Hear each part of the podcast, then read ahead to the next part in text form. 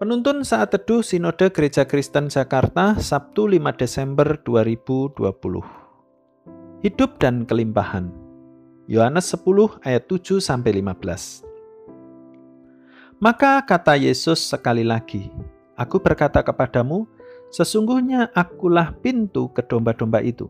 Semua orang yang datang sebelum aku adalah pencuri dan perampok, dan domba-domba itu tidak mendengarkan mereka. Akulah pintu, barang siapa masuk melalui aku, ia akan selamat dan ia akan masuk dan keluar dan menemukan padang rumput.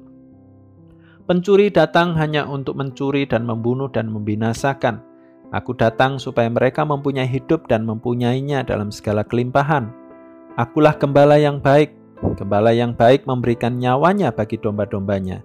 Sedangkan seorang upahan yang bukan gembala dan yang bukan pemilik domba-domba itu sendiri, Ketika melihat serigala datang, meninggalkan domba-domba itu lalu lari, sehingga serigala itu menerkam dan mencerai-beraikan domba-domba itu. Ia lari karena ia seorang upahan dan tidak memperhatikan domba-domba itu. Akulah gembala yang baik, dan aku mengenal domba-dombaku, dan domba-dombaku mengenal aku.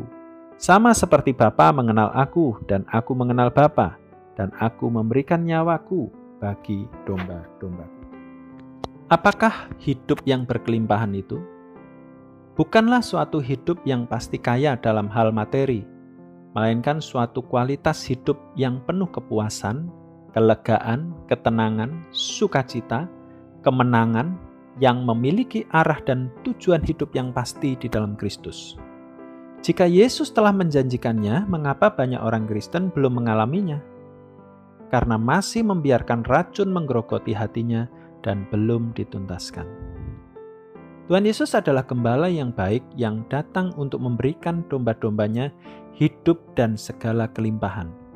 Kata hidup yang digunakan dalam nas ini dari terjemahan Yunani adalah joen dari kata dasar joe yang berarti seluruh hidup di mana Tuhan secara erat membagikan kehidupannya untuk dikenal oleh manusia sehingga mereka memiliki kapasitas rohani untuk mengenal hidup yang kekal bersama Allah.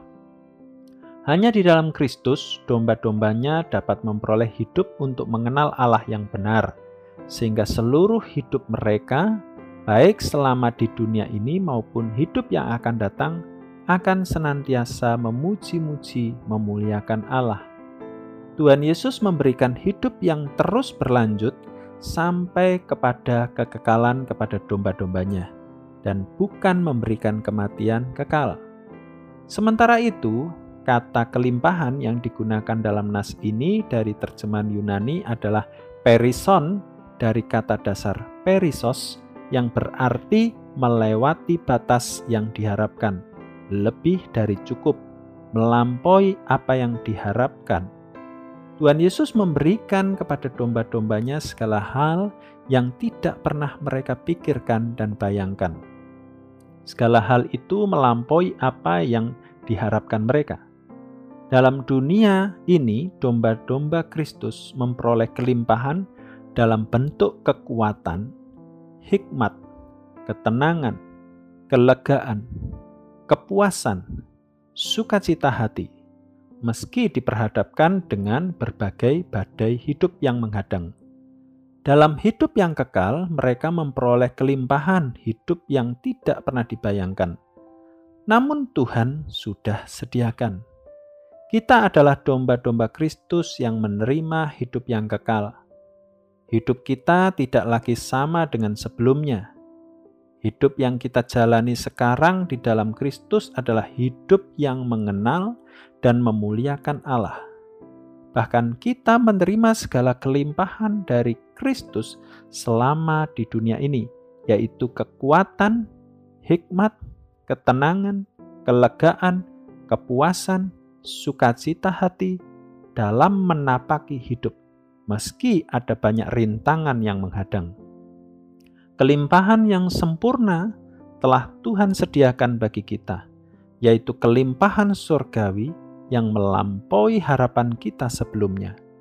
Kristuslah yang memberikan kita hidup dan segala kelimpahan.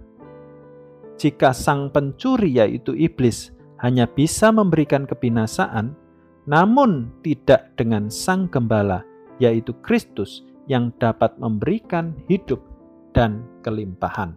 Tuhan Yesus memberkati.